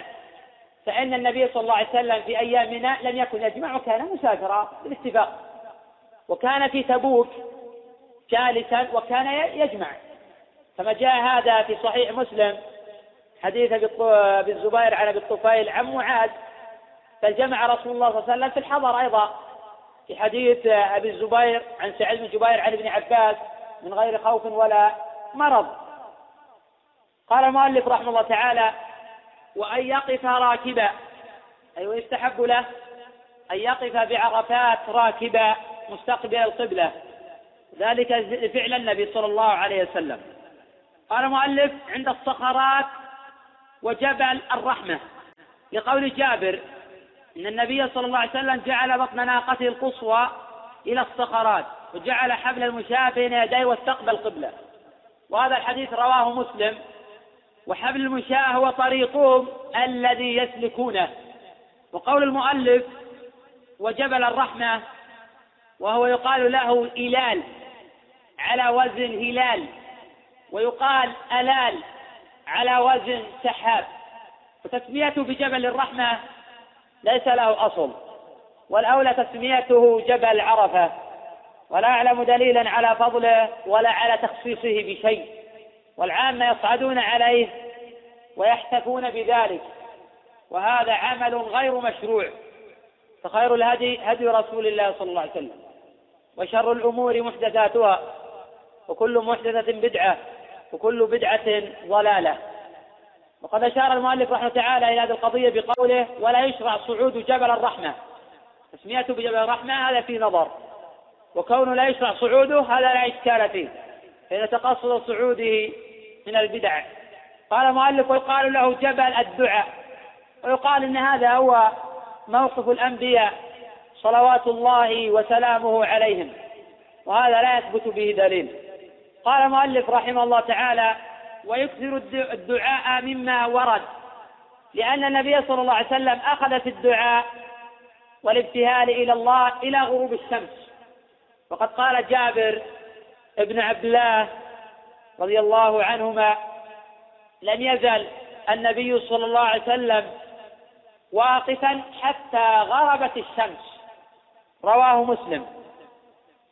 والمؤلف رحمه تعالى قال ويقول ما ورد من ذلك ما رواه مالك عن زياد بن أبي زياد عن طلحة بن عبيد الله أن رسول الله صلى الله عليه وسلم قال أفضل الدعاء دعاء يوم عرفة وأفضل ما قلت أنا والنبيون من قبلي لا إله إلا الله وحده لا شريك له. وهذا حديث مرسل ولا يصح هذا الخبر إلا مرسلا. وقد روى الترمذي في جامعه من طريق حماد بن أبي حميد عن عمرو بن شعيب عن أبيه عن جده أن النبي صلى الله عليه وسلم قال خير الدعاء دعاء يوم عرفة وخير ما قلت أنا والنبيون من قبلي. لا إله إلا الله وحده لا شريك له له الملك وله الحمد وهو على كل شيء قدير. وهذا الحديث قد استغربه الترمذي رحمه الله تعالى وضعفه بحماد ابن أبي حميد. وقال ليس بالقوي عند أهل الحديث. وذكر المؤلف رحمه تعالى هنا أيضا بأنه يقال اللهم اجعل في قلبي نورا وفي بصري نورا وفي سمعي نورا ويسر لأمري وهذا حديث رواه البيهقي. في السنن من حديث علي بن أبي طالب عن النبي صلى الله عليه وسلم. وفيه انقطاع وضعف. فقد رواه البيهقي من طريق موسى ابن عبيدة. وهو ضعيف عن اخيه عبد الله بن عبيدة عن علي عن النبي صلى الله عليه وسلم. صحيح في عرفات أنه يدعو بما أحب وله أن يلبي وأن يذكر الله جل وعلا. وليس ليوم عرفات دعاء مخصوص ولا ذكر مخصوص إلا ما سبق ذكره في حديث أنس في الصحيحين. أنه حين توجه من منى إلى عرفات كان يلبي الملبي فلا ينكر عليه وكان يكبر المكبر فلا ينكر عليه. والأحاديث الواردة أن النبي صلى الله عليه وسلم قال خير الدعاء دعاء يوم عرفة وأفضل ما قلت أنا والنبيون من قبلي لا إله إلا الله وحده لا شريك له له الملك وله الحمد وله كل قدير لا يصح من ذلك شيء. وأصح شيء ورد في هذا الباب ما تقدم ذكره من رواية الإمام مالك رحمه الله تعالى عن زياد بن أبي زياد عن طلحة بن عبيد الله. قال المؤلف رحمه الله تعالى ويكثر الاستغفار والتضرع والخشوع وإظهار الضعف والافتقار ويلح في الدعاء. وهذا كله مشروع في الجملة.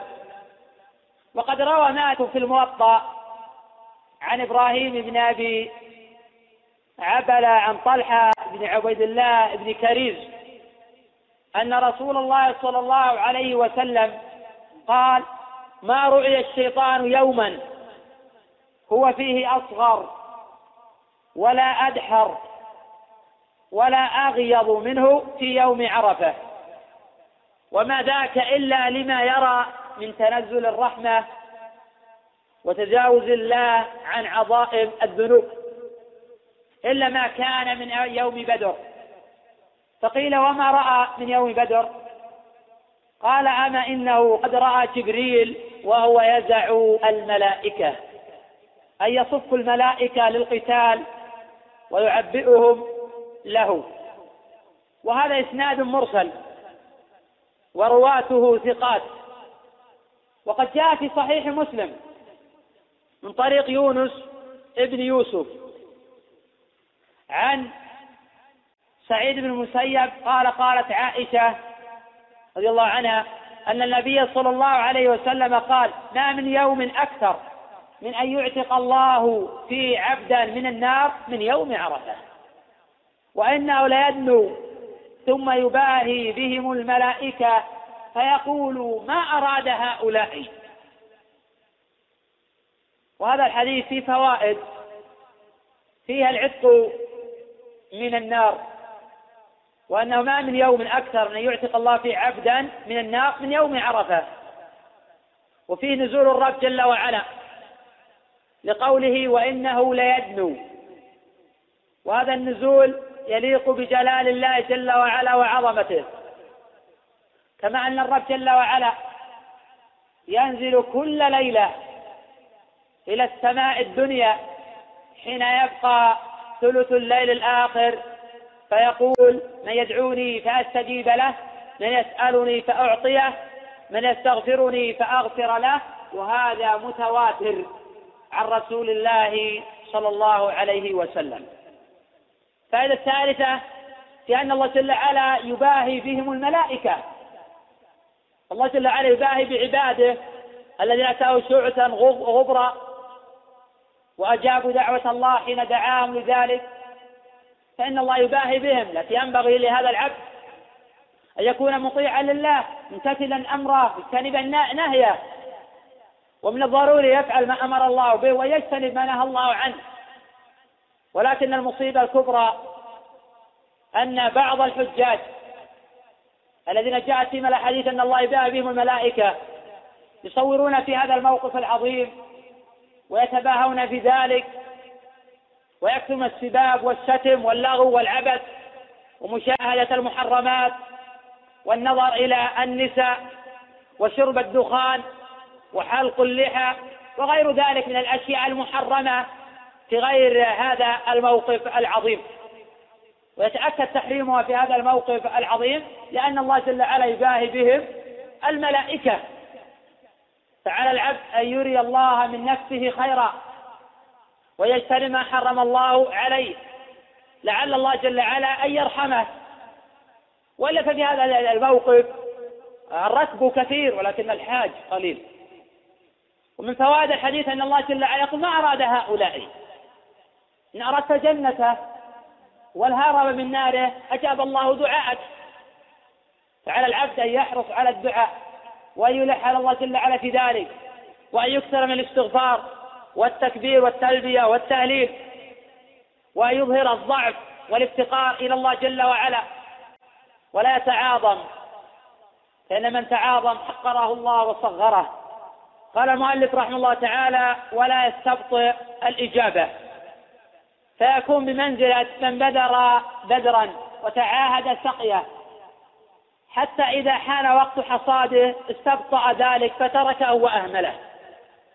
وهذه آفة تمنع ترتب أثر الدعاء عليه وقد جاء في الصحيحين وغيرهما من طريق مالك عن ابن شهاب عن أبي عبيدة مولى ابن أزهر عن أبي هريرة رضي الله عنه. أن النبي صلى الله عليه وسلم قال يستجاب لأحدكم ما لم يعجل. يقول قد دعوت فلم يستجب لي. نقف على قول المؤلف رحمه الله تعالى ومن وقف أي حصل بعرفة ولو لحظة أو نائما أو مارا أو جاهلا أنها عرفة من فجر يوم عرفة إلى فجر يوم النحر وهو أهل لا أي الحج يكون مسلما محرما بالحج ليس سكرانا ولا مجنون ولا مغمى عليه صح حجه والله أعلم. نعم. بالنسبة لقوله تعالى في الحج تشمل أشهر الحج ولا فقط أيام الحج من دخول شهر الحج؟ منذ الإحرام بالحج. منذ الإحرام بالحج. إذا أحرم بالحج شرع صيامها وقد تقدم تفصيل ذلك. إذا أحرم بالحج. إذا أحرم بالحج. وقيل له أيضا قبل ذلك. ولا يشترط أن يكون محرما. فلو أخذ العمرة في العشر ثم حل ويعلم نفسه أنه لا يجد الهدي. جاز أن يقدم الصيام ثلاثة أيام على يوم الترب بحيث يصوم اليوم الثاني والثالث والرابع ويجزئ هذا عنه نعم. لا يستحب هذا لكن لو أنه كان جالسا بمنى أحرم من منى. إن كان جالسا بمكة أحرم من مكة. إن كان في الأبطح أحرم من الأبطح إن كان في العزية أحرم من العزية. في المكان الذي هو نازل فيه يحرم منه. لا يشرع يتقصد مكانا معينا؟ كما تقدم. نعم. اجتهاد منه اجتهاد منه نعم. يشرع لكن هل في الصيغه على النبي عليه ثابته؟ لم يثبت عن النبي صلى الله عليه وسلم صيغة معينة في التكبير أيام العشر. لكن الله جل وعلا قال ويذكر اسم الله في أيام معلومات. قال ابن عباس أيام العشر. وقد ثبت عن ابن عمر وأبي هريرة أنهما كانا يكبران في أيام العشر. ولا يكبر بأي صيغة يحصل فيها تعظيم للرب جل وعلا. إن شاء قال الله أكبر الله أكبر لا إله إلا الله الله أكبر ولله الحمد. شاء كبر بغير ذلك أو الله أكبر الله أكبر. وقد جاءت بعض الصيغ عن الصحابة رضي الله عنهم وليس المقصود منها التقييد. المقصود تعظيم الرب جل وعلا. نعم.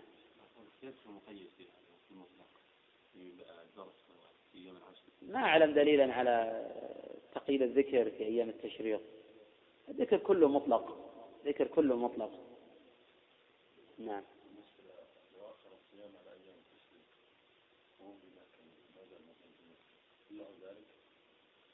تقدم أنه يأثم إذا أخر الصيام ثلاثة أيام عن أيام التشريق. وهل يقضيها أم لا يقضيها؟ قولان لأهل العلم من عظيم الأمر عند الفقهاء.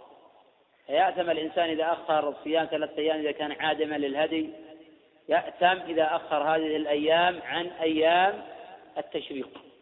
ولهذا قلنا فيما تقدم آه، صيام هذه الثلاثة على التراقي ما لم يضق عليه الوقت فحينئذ يجب على الفور ويجب التتابع أيضا. التتابع إذا ضاق عليه الوقت. لا يجب التتابع إلا إذا ضاق عليه الوقت. ضاق عليه الوقت حينئذ يجب التتابع. حد عشر ثاني عشر ثالث عشر ضاق على الوقت. إذا يجب حينئذ التتابع يجب مبادرة إلى آه، الصوم. ولكن في اليوم الثاني والثالث والرابع والخامس هنا لا يجب. ولكن إذا كان اليوم 11 فيجب عليه الصوم ويجب عليه التتابع حينئذ. بالنسبة للمكي إذا ذهب إلى منى يأخذ حكم المسافر. يأخذ حكم المسافر لأنه أخذ زادا وراحلة وأخذ حكم المسافرين. ويحتمل عند جماعة من العلماء أنه لا يأخذ حكم المسافر باعتبار أن من الآن دخلت في مكة ويستطيع أن يذهب راجلا إلى بيته ويرجع من يومه.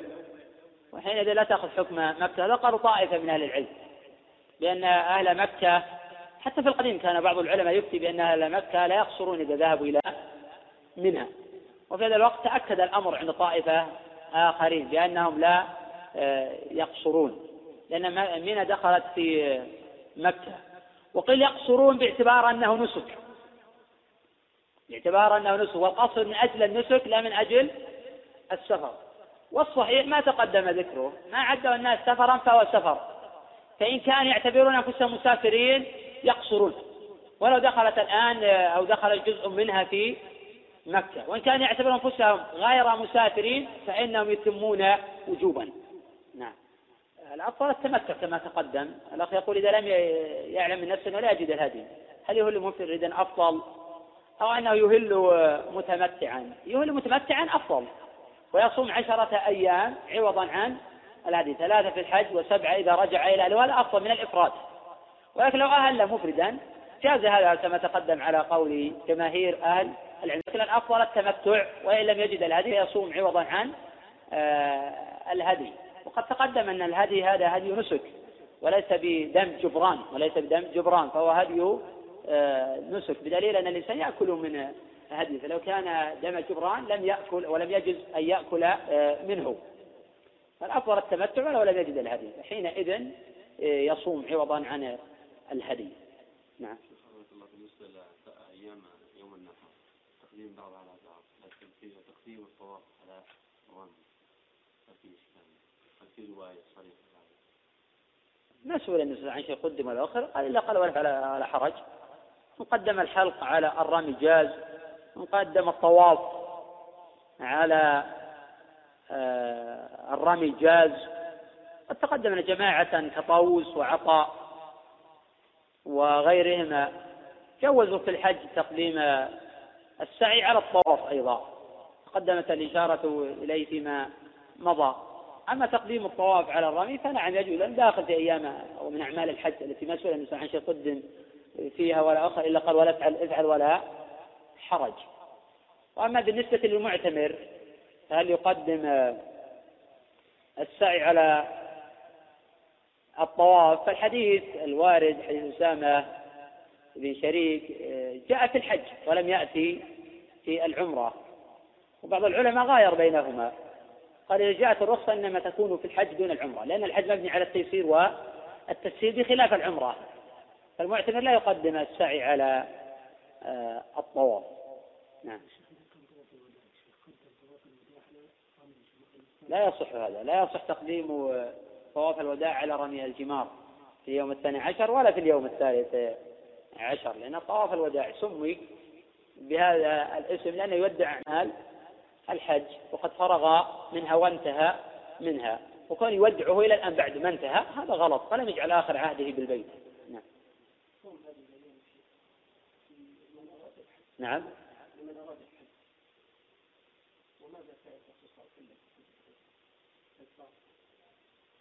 صام أيام العشر. النبي صلى الله عليه وسلم يثبت أنه صام العشر طب كما جاء هذا في صحيح مسلم من حديث عائشة. والصيام في العشر على نوعين أن يصومها الإنسان باعتبار أنه سنة للعشر وأن الصيام مشروع لذات العشر وأنه مشروع كما شرع ما جاء ذكره في غير ما حديث. فهذا في نظر لأن لو كان الصيام مشروعا لذات العشر لفعله النبي صلى الله عليه وسلم ولا بادر إلى فعله الصحابة رضي الله عنهم. وقال وفي ذلك حديث هنيدة أن كان يصوم تسعة ذي الحجة لكن فيه اضطراب. وقد حكى بعض العلماء الاتفاق على أفضلية الصيام في العشر. وأما إن كان يصوم العشر باعتبار أن الصيام عمل صالح كسائر الأعمال فهذا لا حرج فيه. لا حرج أن الإنسان يصوم العشر باعتبار أن الصيام عمل صالح كالتسبيح والتكبير وكثرة الصلاة والصدق ونحو ذلك. وهذا يفهم من عموم حديث ابن عباس في البخاري. حين قال النبي صلى الله عليه وسلم ما من أيام العمل الصالح فيهن أحب إلى الله تعالى من العمل في هذا أي العشر. قالوا يا رسول ولا الجهاد في سبيل الله. قال ولا الجهاد في سبيل الله. إلا رجل خرج يخاطر بنفسه وماله فلم يرجع من ذلك بشيء. فالصحابة فهموا العموم قالوا ولا الجهاد. فلو كان قصد النبي صلى الله عليه وسلم التخصيص بالتسبيح والتكبير والتهليل كما جاء هذا في حديث آخر وهو حديث ضعيف لا يصح. لقال النبي صلى الله عليه وسلم لا أقصد هذا إنما أقصد الأعمال الصالحة من التسبيح والتكبير والتهليل. لكن الصحابة فهموا العموم وأقرهم النبي صلى الله عليه وسلم العموم. قال ولا الجهاد؟ علم أنه يدخل في ذلك كل عمل صالح من صيام وصدقة و آه، صلاة وتسبيح وتكبير وغير ذلك. قال ولا الجهاد؟ قال ولا الجهاد. إلا رجل خرج يخاطب بنفسه وماله فلم يرجع من ذلك بشيء نعم.